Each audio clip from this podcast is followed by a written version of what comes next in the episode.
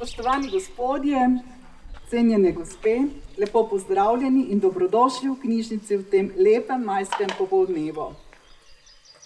Krojenje tišine, krojenje oblačil, krojenje življenja. Vsak od nas živi življenje zase, živi ga pa tudi za svoje najdražje, za pomembne mu druge, naj si bodo to bližnji in daljni sorodniki, kdaj pa kdaj sosedje večkrat tudi sodelavci. Vsak od nas živi v življenje, ki so mu ga podarili predniki in živi ga tudi za naslednike. In vsak od nas si najbrž želi, da bi s svojimi življenjskimi izkušnjami prispeval k boljšemu svetu, življenju in globljemu razumevanju smisla tega našega, primerjavi z vesoljem in ero človeštva drobnega in nepomembnega obstajanja na tem svetu. In enim je dana sposobnost, da o tem pišejo tudi knjige. Veliko veselje nam je, da imamo v knjižnici priložnost dati takim zgodbam glas. Zato je danes z nami naša današnja gostja, gospa Danica Ozvaldič. Spoštovana gostja, lepo vas pozdravljam in izrekam dobrodošlico.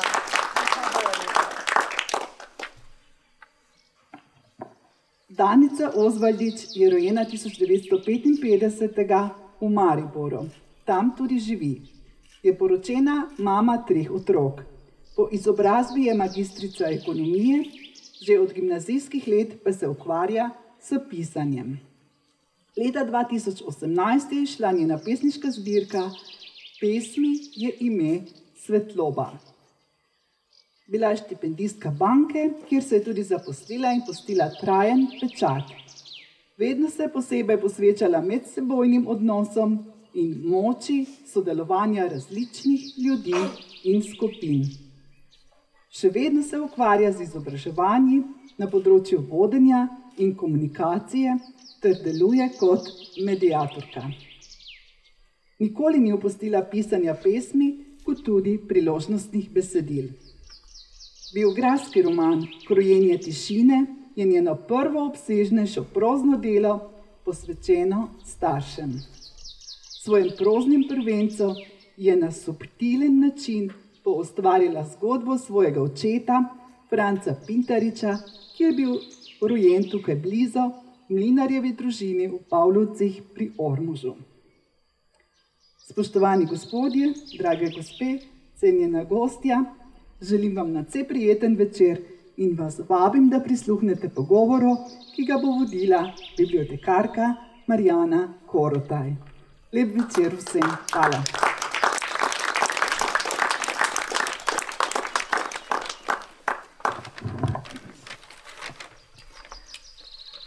Spoštovane, lep prijazen pozdrav tudi z moje strani.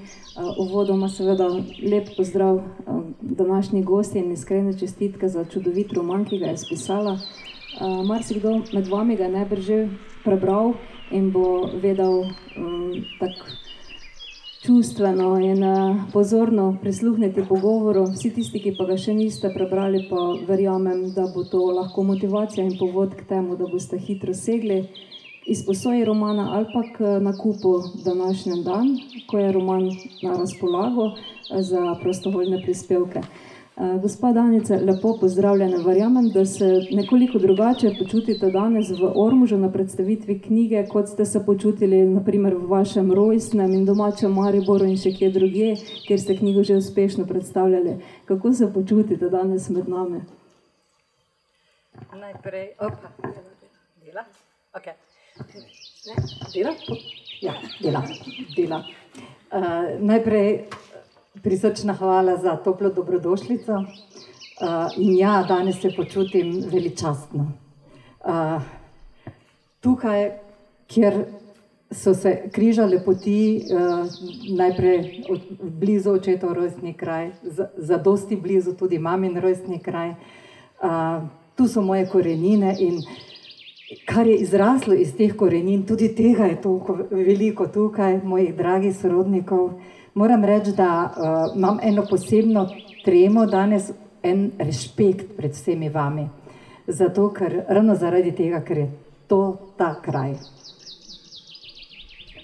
Tudi jaz, tudi jaz. Treba en aplauz, da je na Spisali ste biografski roman Krojenje tišine, eh, ki je vaše prvo obsežnejše prozno delo. Veseli me, da ste seboj prinesli tudi pesniško zbirko vašo, ki je šla leta 2018. Eh, šele, čeprav ste se s pesmenjem ukvarjali že v srednješolskih oziroma študentskih časih. Um, kako je bilo, kakšen je bil Kakšna je bila odločitev za pisanje romana, kakšne so bile razlike med ustvarjanjem romana in ustvarjanjem pesniške zbirke, ali sta na kakšen način pesnjenje in pisanje romana tudi povezane? Uh, roman začnete z pesmijo, ki je izšla v pesniški zbirki, pesmi je ime Svetloba. Uvodoma, zato da se znebimo treme, lahko spregovorite o vašem tem uh, ustvarjalnem procesu, delu od pesmi do romana. Eh, kot ste rekli, in kot je že gospa ravnateljica povedala v vodu, eh, sem pesmi pisala že zdavnaj. Ravno zadnjič sem našla neko fotografijo, natanko pred 50 leti eh, sem v gradišču v Slovenskih goricah dobila nagrado na, teča, na tečaju pesnikov in pisateljev začetnikov. Takrat še v gimnazijskih letih, tudi potem v šoli tiste priširnove nagrade po šoli in tako dalje. Eh, potem pa, eh, seveda, me je pot zanesla malo druge vode. In veste, ko si nekje na nekem vodilnem mestu kot ekonomist, pa rečeš, da pesmi pišeš, si reče, ok, mogoče boljše, da pesmi piše, kot da nam to pamet soli. Ne? Tako da sem uh, malo šale, malo za šalo, pa tudi malo za res. Uh, uh, sem pesmi bolj ali manj dala v predal.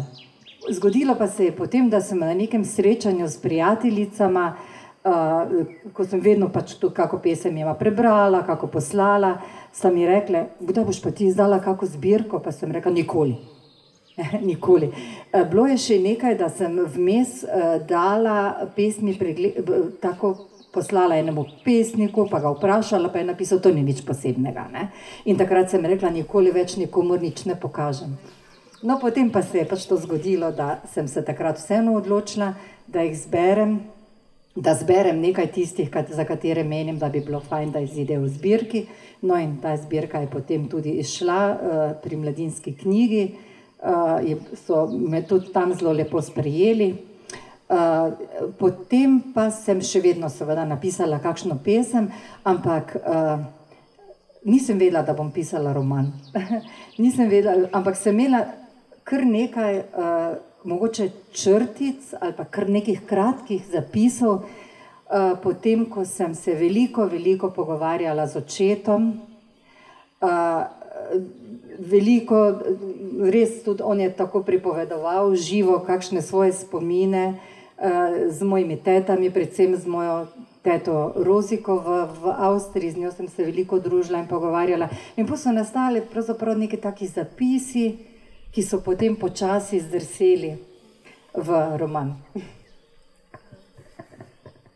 Vodoma, takoj bi kar prešla še na stilistično posebnost, ki mi je bila res zelo zanimiva v romanu Krojenje tišine.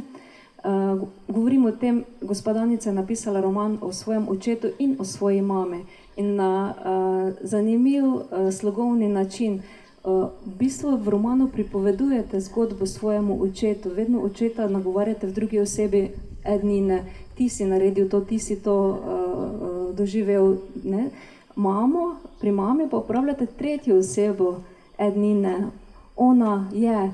Kako to je, že ta stilska razlika morda uh, nakazuje na to, da je vloga očeta za vas v tem primeru bila pomembnejša od matere, ali ste skozi to prikazovali različen položaj vloge očeta in matere v svojem življenju, ali odkot e, ideja razlog za ta dva različna pristopa naslavljanja enega in drugega? Uh, nikakor uh, ni bila vloga očeta bolj pomembna od vloge mame. Mama je pravzaprav držala, tako kot mogoče v zadnjem poglavju je zelo razvidno, uh, tri vogale pri hiši. Uh, ampak uh, pisala sem kot da se pogovarjam z očetom. Ker namreč uh, še mogoče to, da res potem za roman je prvo, najprej nastalo zadnjo poglavje. To je bilo poglavje najnega zadnjega dneva. In takrat sva se mi dva uh, pogovarjala, res tako, jaz njemu, on meni, sva izmenjala neke besede, neke, neka čustva, neka uh, občutja, ki jih prej nisva izmenjavala. Uh, in zato sem potem pisala njemu. In v to zgodbo, seveda, če sem pisala njemu, je morala mamina zgodba stopiti drugače. Samo, samo v, tem je, ne, v tem je ta razlika, pisano je njemu in v njo in v to zgodbo stopi potem mamina zgodba. Pa bomo vstopili, bomo vstopili v zgodbo. Ne bom več ugašala mikrofona. bomo vstopili v zgodbo vajnih, vaših staršev in vaše razširjene družine. Uh, Franz Pinterič, um, rojen v Mlinarjevi družini v Pavlovcih pri Ormužu, uh, ga usodno zaznamuje bolezen pri štirih letih uh, njegove starosti. Eh, oče si več čas želi, da bi Franc prevzel mlin, ampak zaradi škrlatinke ogluši in eh, ne more upravljati, prevzeti vloge mlinarja, kajti v tistem času, ko mlini niso bili na elektriko, ampak so jih je poganjala voda, je sluh bil zelo pomemben. Oče eh, je natančno prisluškoval temu, kako meljejo mlinske kamne, če je pritok vode dovolj močan. To se vse sliši in neverjetno je, mogoče današnji dan, še predvsem mlajšim, razmišljati o tem, kako se je pred uh, stoletji uh, odvijalo življenje mlelo.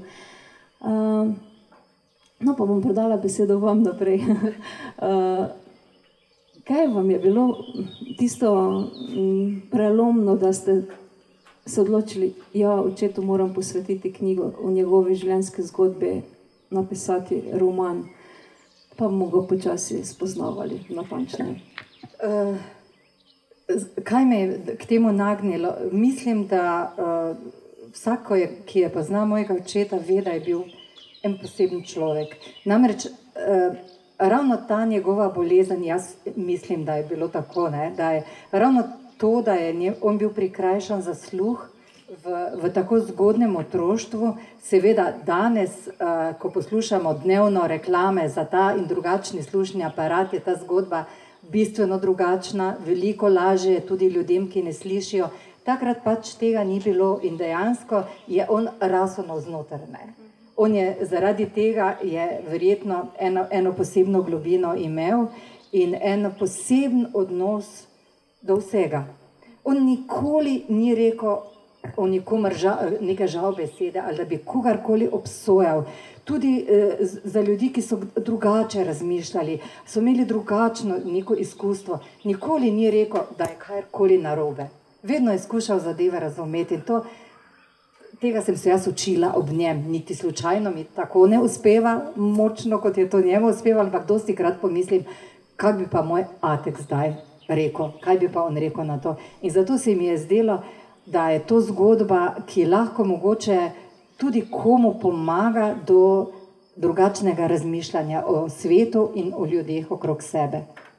V bistvu dejansko je bil pravi, pravi čudež v tem ranem otroštvu. So mu napovedali, da bo najbrž tudi zaradi posledic bolezni umrl. Ja. Ampak, eh, ko beremo roman, vemo, zato ker beremo ta roman, da hvala Bogu ni, da je doživel, da se je včakal velike starosti in ga je to tudi na prav poseben način zaznamovalo in ta čudež, ta oglošelost je na neki strani bila tudi sreča za njega, se zaradi ja. naglušnosti, oglošelosti ni bil sposoben za vojsko, za vojno. Tako. Tako, ja, tako zagotovo.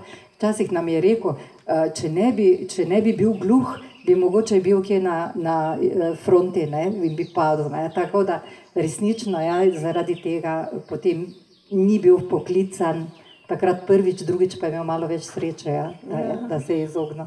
Ja. Uh, torej, za mlinarja ni bil primeren in se je izučil za krojača. Uh, tudi kot krojač je bil izjemen, uh, izjemen mojster krojenja, izjemen in uh, predan učenec. Uh, in za tiste čase, um, nadvse pogumen, ko je tukaj se izučil za krojača, je torej še pred drugo svetovno vojno našel način, da se je šel izpopolnjevati v tujino k svojemu stricu, dejansko, ki ga še niso poznali, kaj ti bil je uh, Polbrat. polbrat. Brat očeta, ja.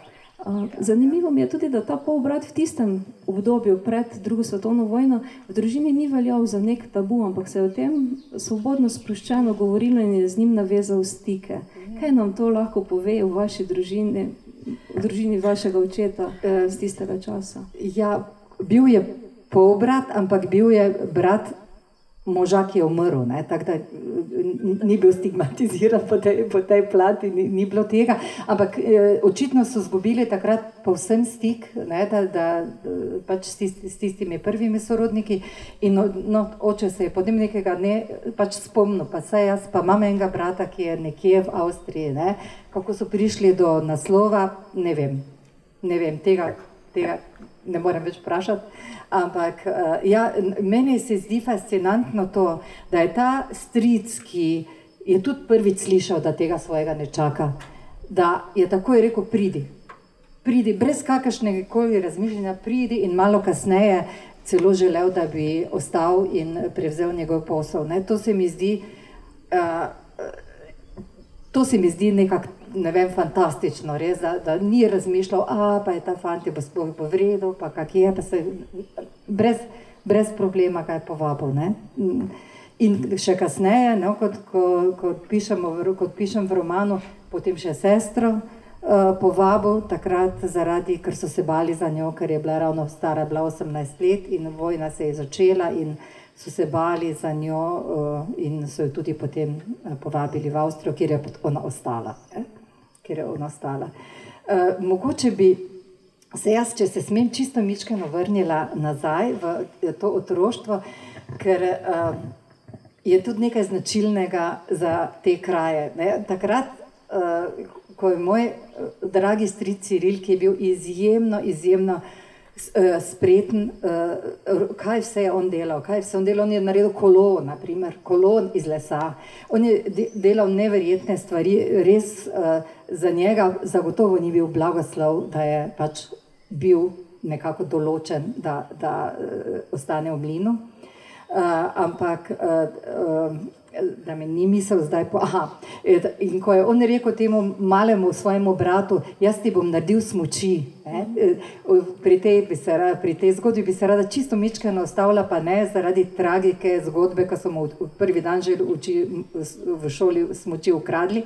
Ampak uh, on je takrat pisal, javorjev les rabim, ne? je rekel Ciril, je rekel, rabim javorjev les. Uh, in je moj oče pisal na mlin, zidaričev mlin. Odgovorila mu je uh, Erna, Erna Meško. Ne? To, je, to je gospa Erna Meško, ki sem jo jaz potem tudi, ko je še živela, enkrat obiskala. Se mi je to tudi povedala takrat in sva se takrat tudi malo pogovarjali. Tako da ta moja zgodba v bistvu je nastajala skozi vse to. Ne? Skozi vse to tudi, uh, jaz sem vse te kraje, o katerih pišem, obiskala.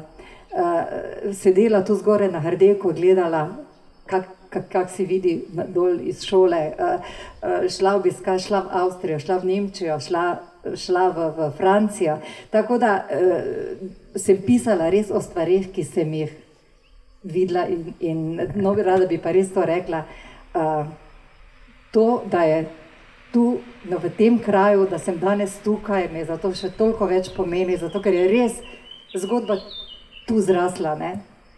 Tudi nam, eh, ko prisluhnemo, eh, res eh, pisateljici, ki izrekam veliko zahvalo za napisano delo. Vse boste videli, roman se je tako berljiv, da bralca posrka vase in ga ne moreš odložiti. Uh, iz kupice razlogov, od tega, da res spremljamo dogajanje v naši neposrednji bližini, kar nam je zanimivo, do tega, da vam res izvrstno slogovno jezik teče. Pa ko ste omenili, da ste se vračali v kraje, kjer je vaš oče bival, uh, ne samo pri nas, ampak tudi v Avstrijo, Francijo, Nemčijo. Um, v knjigi, uh, v tem trenutku, ko smo ga Zdaj nekako omenili, ko piše stricu, preberemo tudi pismo, ki mu ga je pisal. Predvidevam, da je bilo veliko eh, raziskovanja v procesu nastajanja romana, veliko povezovanja z kraji, z ljudmi, eh, pogovorov z očetom in beleženje njegovih spominov. Mm, kako je vse skupaj potekalo? In uvodoma pišete, da ni samo vse uh, spominska proza, ampak je tudi plod vaše domišljije. Seveda. Uh, koliko je dejansko torej, uh, vašega izmišljenega in pisma, če so prava, so prepisi, Ravno to, naprimer, ne? pisma uh, seveda niso avtentična, vsebina, uh, nisem imela pisem pred seboj, ampak so napisana po pripovedovanju. Dopisovanje med sestro Miciko in, in očetom je bilo zelo intenzivno vse življenje. Vse življenje in teh pisem imam veliko doma, nimam pa teh, ne, seveda, to, te, ta so napisana v pripovedovanju. Morda še kakšen zaplet, ki se je morda zgodil, ne ravno istočasno, ampak, ampak v glavnem je to, kar je, kar je mojega, dodanega. V bistvu pa so ostala dejstva takšna, kot so, ja, bila resnična v resnici. Ja. Poleg Poleg eh, obiskovanja v kraju ste pa bili tudi primorani raziskovati dejstva, zgodovinska dejstva, podobe mest, ali je to vse bilo plod vaše domišljije? Seveda, seveda, seveda, seveda sem brala sem časopise iz tistega časa, seveda sem šla v arhiv poiskati kakšne stvari, kakšne fotografije. Ja, seveda, to je, to je vse spadalo zraven. Ne, to, je vse, to je bilo vse zelo prijetno. Pa tudi moji sorodniki, ko so tukaj, vejo, da sem jih tudi kaj obiskala, pa vprašala, kak, kako je bilo v tistih časih. Predvsem me je vedno zanimalo uh, njihovi občutki, ne glih samo dejstva, ampak bolj tisto, kako so se, ker pač pišem bolj na tak način, ne, da pišem o občutkih, pišem o tem, kako nekdo nekaj doživlja. No, v začetku tudi pišem, da dejansko pa so spomini lahko različni. Ne. Moj spomin, uh, očetov spomin, nekdo drug pa ima morda še kakšen drugačen spomin zraven. Tako da te barve spomina, kot jih, kot jih opisujem, so, so lahko zelo v različnih odtenkih.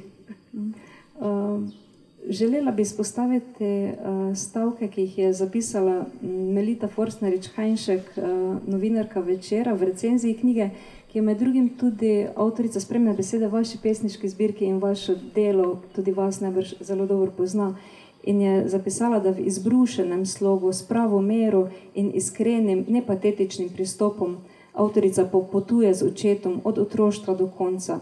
Senzibilnostjo, empatijo in blagim razumevanjem tehta očetovo življenje in ničesar ne olepšuje, hkrati pa ohranja dostojanstvenost in vse skozi toplino. Uh, izbrala sem ta citat uh, iz recenzije zato, ker uh, dejansko uh, daje težo temu, kar ste rekli, da spomini so različni, da jih niste ulepševali. In, uh, verjamemo, torej, da uh, ste pričarali s to toplino in predanostjo življenje Frančka in niste idealizirali, ker bralec, ko bere, se mu morda zdi, da to pa. Ne more biti res, da bi lahko življenje bilo tako krasno, tako lepo, odnosi tako uh, ljubeči in dobri. In tudi Mogoče čas, da se dotaknemo ljubezenskih zgodb. Tudi ljubezenske zgodbe, ki se ne končajo srečno, so tako berljive in tako uh, z lahkoto jih uh, začutiš, jih uh, predelaš. Mislim, tako je, deluje, ko roman bereš, kot da ja, to je življenje, kot je uvodoma direktorica omenila, življenje, ki ga živimo z željo izboljšati svet, izboljšati sebe. Uh, zanimivo mi je to. Uh, spregovorite tudi o ljubeznih svojih staršev in ne samo o ljubezni očeta Franca z mamo Terezijo, ampak tudi o njegovih prejšnjih nesrečnih, zaključenih ljubeznih, prav tako o materini zaključeni ljubezni. Mm, sta vam o teh svojih ljubezenskih izkušnjah tudi pripovedovala, torej je to bilo v družini um, tema pogovora in ste to vedeli, ali je to plod vaše avtorične domišljije, ki ste jih razdelali? Ja, tako, če začnem kar pri prvi očetovi ljubezni. Um, takrat, ko je prišel Maribor, uh, takrat uh, zato mi je povedal sam in sicer uh, ob neki priliki, ko sem jaz rekla, uh, v zgodbi namreč pripovedujem o tem, kako se je uprl uh, svojemu mojstru, ko je izvedel, da ženske plačuje slabše kot moške, ne kot njega, ker je bil edini moški. Ne. Ko je, ko je to zvedel, je šel k njemu in je rekel, če ne boste plačali njih enako, odidem. Pa sem jaz rekla, pa kak si upal? In takrat mi je rekel, če sem bil pa tako zaljubljen. Ne? In takrat mi je, mi je pač to, to zgodbo tako povedal, ne? kako je pač bilo in kako je bil potem tudi razočaran. Um, druga njegova ljubezenska zgodba, uh, za drugo njegovo ljubezensko zgodbo pa nisem zvedla od njega. To pa mi je zaupala njegova sestra. Uh, in ja, to, to mi je pa takrat, ko smo se veliko družili. Uh, preden je knjiga, ko je knjiga nastajala, sem veliko časa preživela z njo, imela je 94 let, ko je odšla in prebrala je še rokopis. E, torej, ta najmlajša njihova sestra, in ona mi je povedala o tej njegovi ljubezni. E, medtem ko z mamo je pa mičkano drugače. Mama mi je svoj, o svoji ljubezni povedala vse. O, dejansko torej neka prepovedana ljubezen, za katero pač najprej ni vedela, da je prepovedana, ampak eh, točno vem, zakaj mi je to povedala. To mi je povedala samo iz enega razloga: proč od poročenih moških. To, zagotovo to, točno vem, da je bil to njej nauk, ker eh, jaz sem veliko zdaj tudi eh, se pogovarjala z mojim eh, starejšim bratom, ki je tudi imel uho in je tudi veliko eh, se pogovarjal. Sva potem primerjala neke podatke, on je tudi zelo precizni, on je imel tudi datume napisane, nekaj, to se je zgodilo takrat, kar mi je zelo pomagalo pri pisanju. In on te zgodbe, na primer, ni poznal. Ne? On te, te mamine zgodbe, ni, jaz pa se spomnim, kako sem sedela zraven nje na stolu, ona pa ta in njime gledala, ko je pripovedovala in točno točno danes vem, zakaj, oziroma že nekaj časa vem, zakaj je bilo to. Ampak ja, vse so resnične. Dejansko pa ljubezensko zgodbo matere in očeta ne opišete tako natančno kot eh, te omenjene ljubezenske zgodbe, zaključene ljubezenske zgodbe. Iz tega zadnjega poglavja, ki ste omenili, da je nastalo kot prvo poglavje, eh, dobimo občutek, da uh, je očetu nekoliko žal, da ljubezni v bistvu materi, v svoji ženi, uh, ni dovolj jasno izražal, izrazil, kot da je bila to ljubezen kot tisto ekonomska varnost, oziroma ljubezen iz dogovora, da smo skupaj, zato ker nam štima. Tako, uh, živl, spet življenjska vloga uh, ljubezni v dveh odraslih. Uh, Toč, točno tako je tudi njena zgodba se začela. Uh, in jaz sem tudi to hotela povedati v tej knjigi, da ni nujno, da ravno medlimo od ljubezni, ko se neko, ko, ko, da bo to zdaj zavedno uh, ta prava stvar, da včasih pa ljubezen raste. R začne iz seveda iz nekih skupnih potez, iz nekih skupnih interesov. Je, želja, vrednot, zagotovo, in potem lahko tudi raste. In to se mi je zdelo zelo pomembno povedati, ker, ker včasih mislimo samo, da mora, da mora biti, ne, ko gledamo, pa gledamo neke filme, pa beremo nekaj. V glavnem, dosti krat uh, življenje ni tako. Ne. Življenje sploh pa verjetno takrat. Oba sta se odločila, da se nikoli ne bosta poročila, ne? to je bilo zelo zanimivo. In potem je prišlo najprej zagotovo do ene tople naklonjenosti, do nekega res, res prekrižanja vrednot. In potem je ta, ta zgodba zagotovo z njima rasla. Je pa res, da je oče si zelo očital, ker je mama pač odšla uh, precej hitro, oziroma zagotovo 20 let je bil sam, uh, si je očital, da je ni večkrat povedal stvari, ampak ni bil vajen, tako kot pišem. Ne? Nismo bili vajeni. Ena izmed mojih pesmi tudi pravi, ne? objemi, ne? objemi. Ni jih bilo, bili so v besedah, bili so v kakem pogledu, uh, nismo pa, ne, drugače je zdaj, drugače doživljamo s, s tem, da mogoče tu notri nismo drugačni, ne? ampak samo pač, da to izraziti znamo, povedati znamo. In zgodba ravno se konča tudi s tem, treba je povedati. In treba je povedati, dokler je čas, ne? ker potem pride čas, ko ni časa več povedati. Na svojstven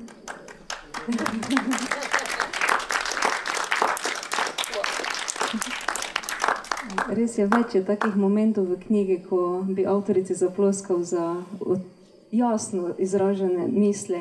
Ena izmed takih misli, takih življenjskih, modrih spoznanj je, po mojem mnenju, tudi odnos do vojne, oziroma uh, ja, to doživljanje videnja vojne. Vojna, vse je prisotna s vsemi grozodejstvi in uh, se je ne zanika. Ne?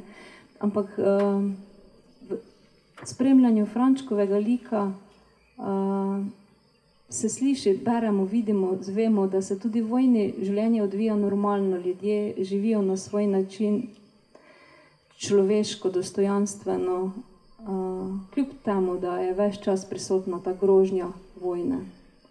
Kaj ste želeli sporočiti s tem? Točno to, ne, da tudi, tudi v vojni ljudje pač živijo, morajo preživeti in najdejo neko pot, ne, najdejo neko pot, da, da živijo normalno. Ne bom rekla, da se imajo radi, študirajo, mojoče študirajo nadaljavo. Ne. Ja, to je bilo zanimivo. to, je, to, je, to je tudi mene izjemno presenetilo. To je, torej, Berlin je, v Berlinu je študiral, torej delal mojsterski izpit, 12 izpitov nadaljavo, plus potem še pač pa praktičnega v Gracu. Ne.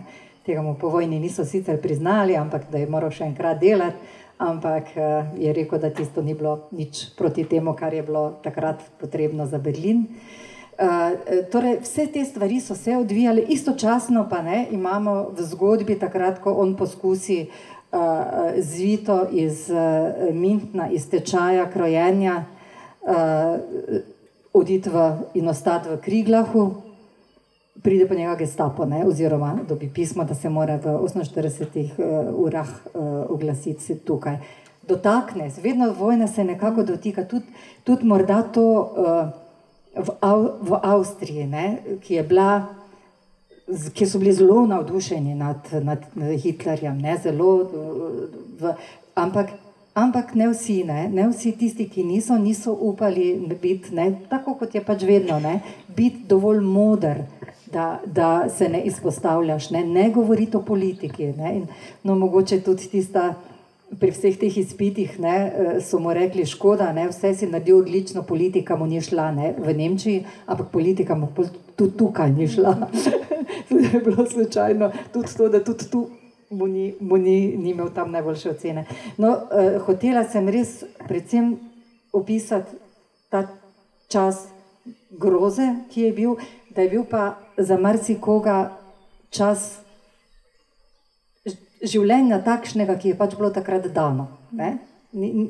Ja, se, se potem se dogaja, zgodijo tudi tiste stvari z kopanjem jarkov, pa z poklicom in tako ja. dalje. Ampak skozi vse to nekako en optimizem mm. uh, si je, ne? to se mi je zdelo pomembno. Mm zelo lepo mi je poslušati našo gostjo. In zdaj, preden pridemo še kakim modrim, velikim temam, bi želela izpostaviti, kar mi je danes v prvem srečanju omenila. Tako smo lepo barvno sklajeni, jaz v črni obleki, gospa v rdeči. In mi je priznala, da je to obleka, ki jo je skrojil in zašil njen oče. Vam je, no, torej, projekt krojenja, tako življenja vam je krojil tudi obleka in jo ste odeli s prav posebnim ponosom in spominom na njega. Točno to, ja, to, to, to sem danes razmišljala. Hm, kaj, pa še, kaj pa če še spravim na se tisti kostim? in je kostim klasičen, brezčasen. In čestitka tudi vam, ne brezčasno. Pridete v njega.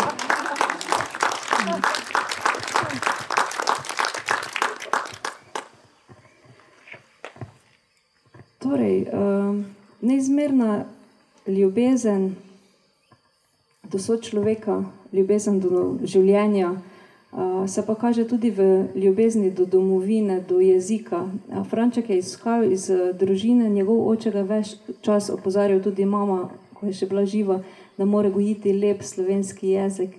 To domoljubje je bilo prisotno in se je najbrž preneslo tudi na vas, da imate tako izborno govorico in vam jezik lepo teče. Uh, zelo pomembno, torej uh, domoljubje, ljubezen do Slovenije, do uh, jezika, do branja.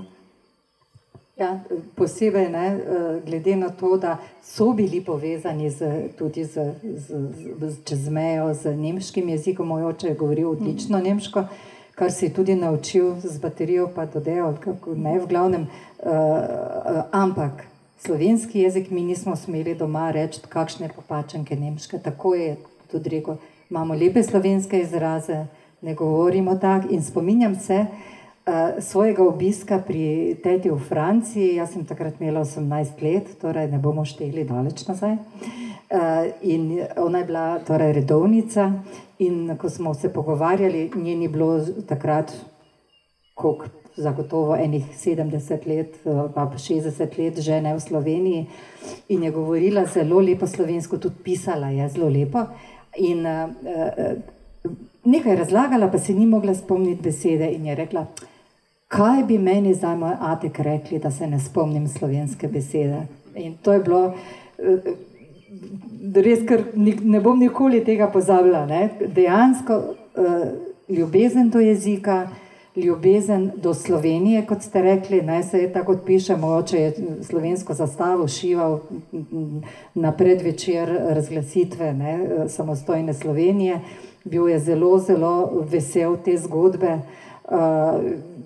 Velik slovenec, zagotovo je to nam predal. Šivanje, krojenje je vpleteno tudi v oblikovanje uh, knjige. Ta nit krojaška, šivilska se prepleta in zanimivo, oblikovala pa je knjigo vaša ščerka, uh, vnukinja Franca Pintariča. Um, kako je bilo sodelovati še torej z hčerko pri tem, da ste nam vsem javnosti predali roman o svojem očetu. Ona pa je zelo krasno tudi oblikovala, tudi v enake barve, rdeče, kot je. Lekca. Slučajno. Uh, uh, ja, hvala za to vprašanje. Uh, res bi Sari rada kar namenila par besed. Ona je študirala grafično oblikovanje in je magistrica tudi tega, tega poklica in je z veliko ljubeznijo se lotila tega oblikovanja. Uh, uporablja je uh, dokumente očetove, torej detkove, uh, ker seveda čuvam tiste njegove diplome, priznanja uh, iz Nemčije, od tukaj, uh, razna, razna pisma, tista na koncu, kjer je, kjer so, in ona je vse te, vsa ta poglavja, ko se začenjajo, vse, vsi, vse je jemala iz teh njegovih dokumentov.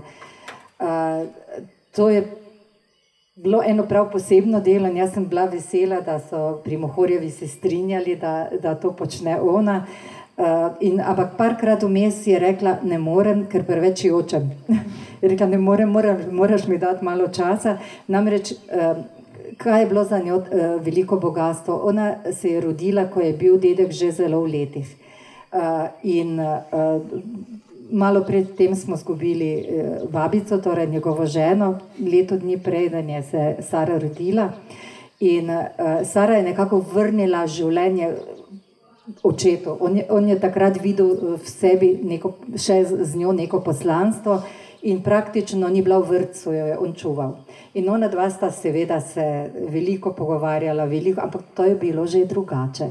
Je bilo, in ona, ko je zdaj brala knjigo in jo oblikovala, je rekla, Veš, kako sem ti hvaležna, ker jaz detka nisem tako doživela. Jaz sem ga doživela kot starega detka, medtem ko zdaj v tej zgodbi mi pa, si mi pa vrnila še to njegovo podobo življenja, ko je bil mlad, ko je bil pri močeh in tako naprej. Tako da ja. Veliko, veliko, veliko njenega truda je tu, to je kar trajalo. Ja, tudi ti kroji, ki so na prvi strani eh, nežno narisani, so vse iz njegovih, uh, iz njegovih krojev, ki jih pa še čuvamo. Krasno. Uh, Mohorjeva založba je izdala knjigo kar je uh, tudi dodana vrednost pisatelju. Marsikdo uh, želi zapisati zgodbo svoje družine, uh, jo izda tudi v samo založbi, ampak pri vas ste zbrali pogum, ste pošiljali na več založb, ali ste mohorjevo izbrali in ste dobili izdajo, res lepo, kvalitetno izdajo, vse, ko knjigo primeš v roko, je že užitek, kamor le še, ko jo začneš brati. Kakšna je bila odločitev in vaša povezava z založbo? Zdaj, eh, eh, kot eh, ste rekli, pesniško zbirko je izdala Mladinska knjiga.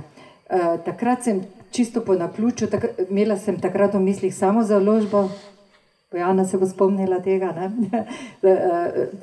In sem se pogovarjala o distribuciji, ker z distribucijo je običajno pač največja težava. In ko sem šla vprašati v Mlinski knjigi, če lahko se z njimi potem zmenim za distribucijo, so rekli, ne, mi bomo, to, mi bomo natisnili, kar me je seveda zelo razveselilo. No, tudi to je oblikovala Sara, no tam je še dodatek, še druge ščere, ker je tudi Maja ilustrirala, ne? to pa je ta druga ščera pesniško zbirko. No, in uh, ko sem imela to besedilo, sem se z gospod urednico sicer pe, pesniškega programa malo posvetovala. Rekla mi je, da bi bilo fino, če grem k kakšni založbi, ki je v tem našem koncu, ker je pač tematika takšna, da če pa ne bo, eh, da naj samo pridem nazaj. Ne? Eh, takrat sem se pa spomnila, da eh, pri Mohorjevi poznam Tanjo Ozvatičevo, veste, pri mojih letih pač človek več ne anonimno nikamor ne pošilja, ne? čisto tako. Ne? Malo je že tak, ne, ne, ne narediš tega, raj daš predal. Eh, Tanja Ozvatič, ki se podobno piše, pa nekako ne enako, je pa bila uh, v naši fari že zdavnaj, kot otroka jo poznam in sem uh, se odločila, da grem povprašati tja. Ne, dati besedilo in takoj, ko je prebrala, je rekla, to, to, to, to, bom, to bomo mi izdali. Ne. In mogoče samo, če smem prebrati, kar mi je napisala takrat urednica, nekaj, kar, kar uh, Eh, si mi zelo, zelo rada, vedno znova preberem, pa mislim, da je za vse nas fino uh, napisano. Um, ob prebiranju besedila me je prešinila misel Koko Šanel, da starost človeka ne obvaruje ljubezni, pač pa ljubezen človeka obvaruje staranja. V vaši knjigi je čutiti toliko ljubezni in tako naprej. Ampak to se mi zdi ena, ena taka misel, ko bi rada s temi delila, no vse sem jo pravkar. ja, tako da zato sem prišla.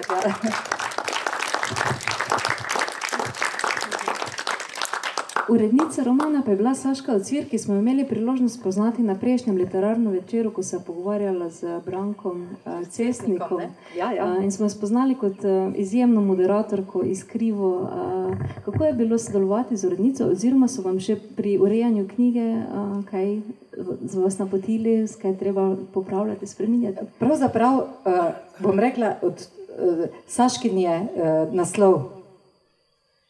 Slaški je naslov Krojenje tišine, ker jaz sem eh, imela en drug delovni naslov in rekla, ki nisem nikoli mislila, da bi dejansko bil naslov. In sem mislila, bo, bo to postalo potem, uh, ko, bo zra, ko bo to dozorelo. Nek, in potem je ona predlagala malo drugače, no, malo drugače, nekaj kar je skozi tišino, ali kaj je bilo najprej, ker so se mi zdelo preostro. In potem smo prišli do tega. V glavnem pa, kar se sicer besedi besedila tiče, pa moram reči, da ni bilo, ni bilo nobenih uredniških popravkov, seveda pa so bile kakšne druge. O romanu bi res lahko še govorili in govorili. Neizmerno navdihujoče, kot ste dejali, veje iz njega ta duh optimizma, upanja, vztrajnosti in je res prijetno za branje. In pred, pred literarnim večerom se z avtorico nismo pogovarjali o tem, če bi kaj prebrali in nismo določili odlomka, katerega bi bilo vredno izpostaviti. Pa imate kakšen odlomek, ki se vam prilepi na prst in ga bi prebrali danes z nami, da bi še imeli v živo to priložnost res začutiti bogatstvo tega daničinega jezika. Medtem pa mogoče razmislek, zagotovo želite še kaj vprašati, vas zanima še kaj o družini, ker ste uh, tako um, intimno, marsikateri povezani z uh, družino Danica in uh, Franca Pintariča. Vas opogumljamo, da uh, vprašate, kar javno ne čakate, da potem na zasebnem trenutek. Pravzaprav uh, se zelo težko odločim, kateri odlomek bi bil tisti, ker jih je kar nekaj, ko bi jih želela podeliti, ampak uh, zato si bom dovolila raje prebrati začetno pesem. Super. Začetno pesem, ki je seveda posvečena ravno njemu. Vsak hip te čutim tu, ogrnjenega v lahkotno barvo svetlobe, najbolj zvenečo od vseh barv zaupanja in tako zelo varno. Kdo je dajal komu? Ti meni, jaz tebi, kdo več, kdo manj, kdo vse? Oba, itak ti, od začetka, z odločitvijo, da sem. Jaz sem stopila kasneje, a zato do konca. In čez. Nekje vmes si mi v varstvo izročil svetlo ogrinjalo zaupanja in upanja. Tudi za vsakega od njih. In osupljivo, težko je padlo na moje ramena.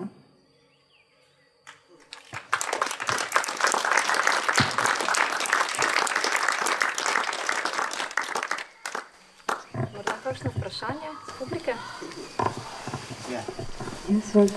Če smem vprašati, eh, pravite, da je oče težko slišal, oziroma ni slišal, kako se je pa potem izražal, če vas ni slišal ali je slabo slišal. To me zanima, ker imam samo očeta, ki zaradi bolezni trenutno ne more povedati več nobenega stavka. Ja, uh, uh, se tudi, o tem tudi pišem. On je, uh, oče je zelo hitro uh, poskušal najti rešitev za ta svoj sluh. In uh, že kot otrok, o tem to tudi pišem, je imel slušni aparat. Uh, hod, uh, kupoval ga je v, čez mejo v Avstriji, ker tukaj še ni bilo, to je bila tako mala škatlica, tukaj je imel v, v žepu od, od srajce in potem je šla taka nitka v uho in potem je uh, pripovedal o tem, kako ga ljudje vedno pogledajo v žep in potem grejo po nitki in do ušesa. In uh, kasneje je imel tudi uh, druge, vedno sodobne aparate, ne? Naj, najsodobnejše, kar se je dalo, s tem, da takrat še ni bilo teh aparatov tukaj, sploh ne, tako tudi, tudi vrčeval je samo zato, da je te aparate kupoval. Tako da uh, navadili smo se, mogoče tudi zaradi tega, uh, in jaz in moji bratje smo zelo izrazito izgovarjali besede.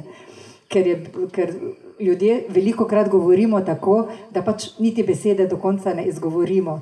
Ko pa imaš ti takega človeka, pa se zelo trudiš, da vsaka beseda, da tudi vidi na ustih, kaj govoriš, in da vsako besedo lahko razume. Tako da zdaj na stara leta v bistvu je on kar dobro lahko sledil uh, pogovoru, res pa je bila težava, kadar je več ljudi govorilo tudi ti aparati so tudi že danes, koliko slišim, ampak takrat uh, tega ni bilo, tako da, kadar se je več ljudi pogovarjalo, pa je bil kar v zadregi.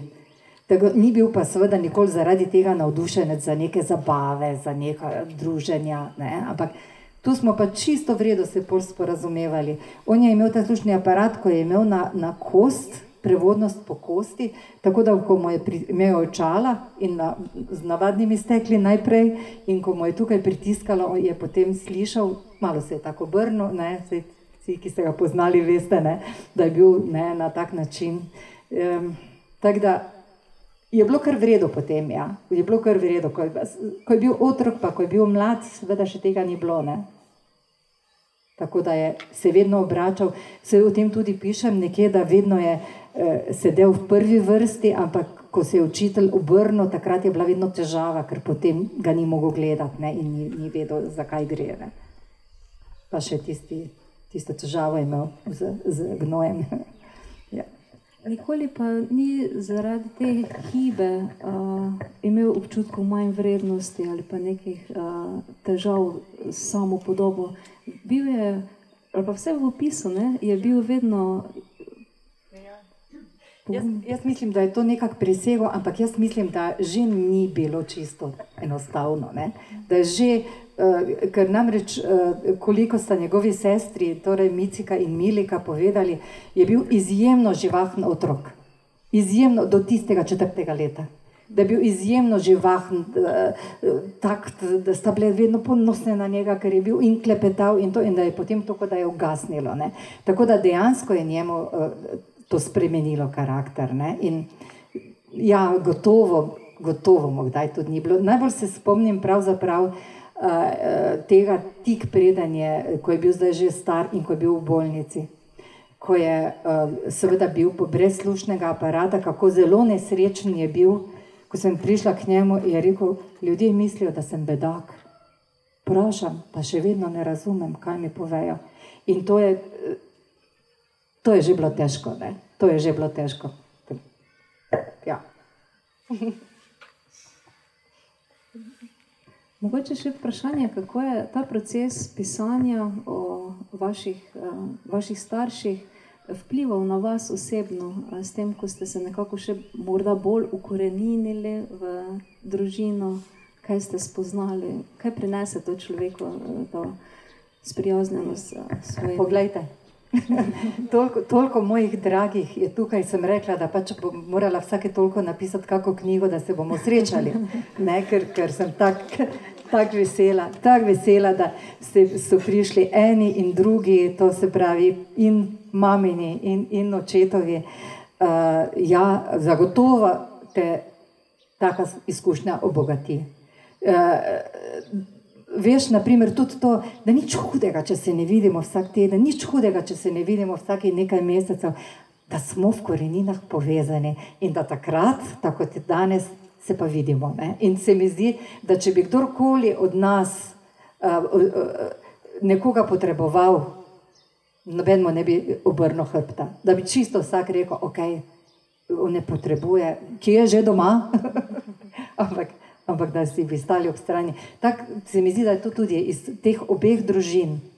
Iz teh dru, obeh družin je ena, uh, veje ena posebna ljubezen. To sem jaz izkusila že kot otrok, ko sem hodila na počitnice v Hermance ta povezanost, ta, ta, ta topel odnos tete in strica, uh, mojih bratrancev in sestričn. Jaz sem bila sicer med, najmlajša med bratranci in sestričnami in sem bila tudi kar nagajiva, koliko se zelo dobro spomnim, ampak nikdar se ne spomnim ene ostre besede, uh, uh, enega nelagodja, vedno samo ene, ene lepe topline. In to To sem hotela tudi dati sem. To mi vsi lahko potrdimo.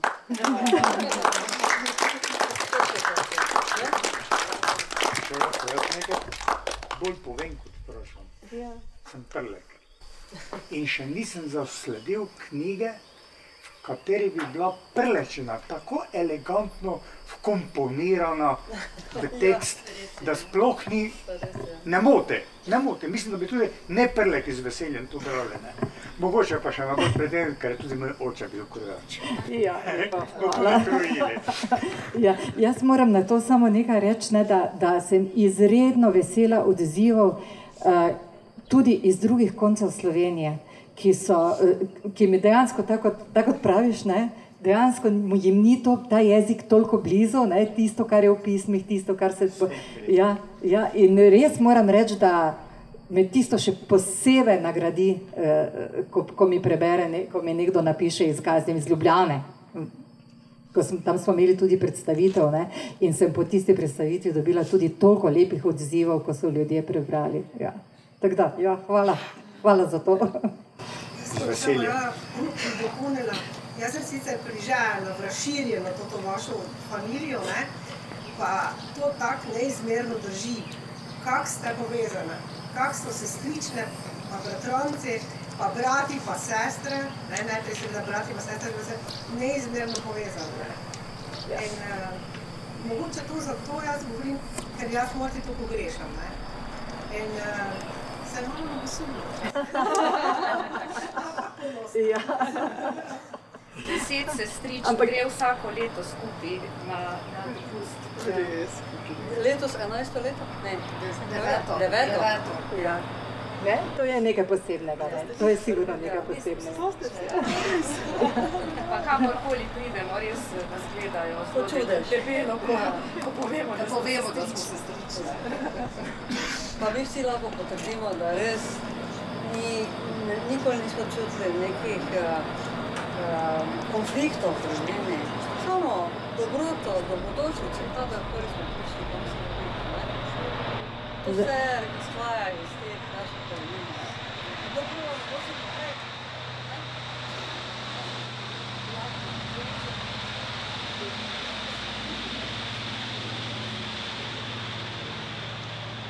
ne. Hudega, to je tako lepo, da nič hudega, če nas smeti, naš glas.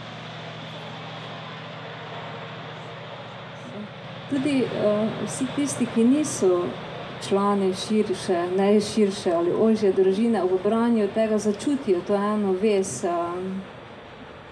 Kot je uvodoma bilo rečeno, krojenje življenja, krojenje tišine, ki nas vse ljudi, dela človeške, povezuje na tej, tem nivoju prizadevanja za ljubezen, za dobro. Uh, iskrene čestitke vam za to, da ste te vrednote, uh, trajne vrednote vpletli, všili v roman Krojenje tišine. Kot je vaš oče bil izjemen krojač, m, ki je krojil oblek, oblačila, naj povem, da je gospa izjemna krojačica besede in literarnega ustvarjanja. In želimo si, da bi še napisali kakšen nov drug roman, ki bomo z veseljem brali. Hvala lepa, hvala lepa za, za vse.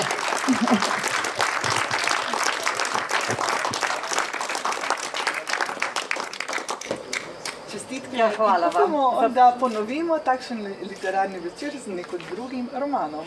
Ali pa tudi pesniško Hvala lepa, kar hvala lepa. To je pa mali spomin iz naše knjižnice. Ja, hvala lepa, hvala lepa. Uh, jaz verjamem, da imate veliko vprašanj, ampak verjetno imamo kozarca vina. Tako da bi zaključila ta uradni del, vas povabila, da ostanete v naši družbi, vas povabila tudi, da se moški del publike, pa tudi ženski, eh, pridruži nam naslednji četrtek, ko bomo gostili Ernesta Pleha. Zelo zanimivo bo. Vabljeni in res prisrčen in lep večer še naprej. Hvala. Hvala. そうだ。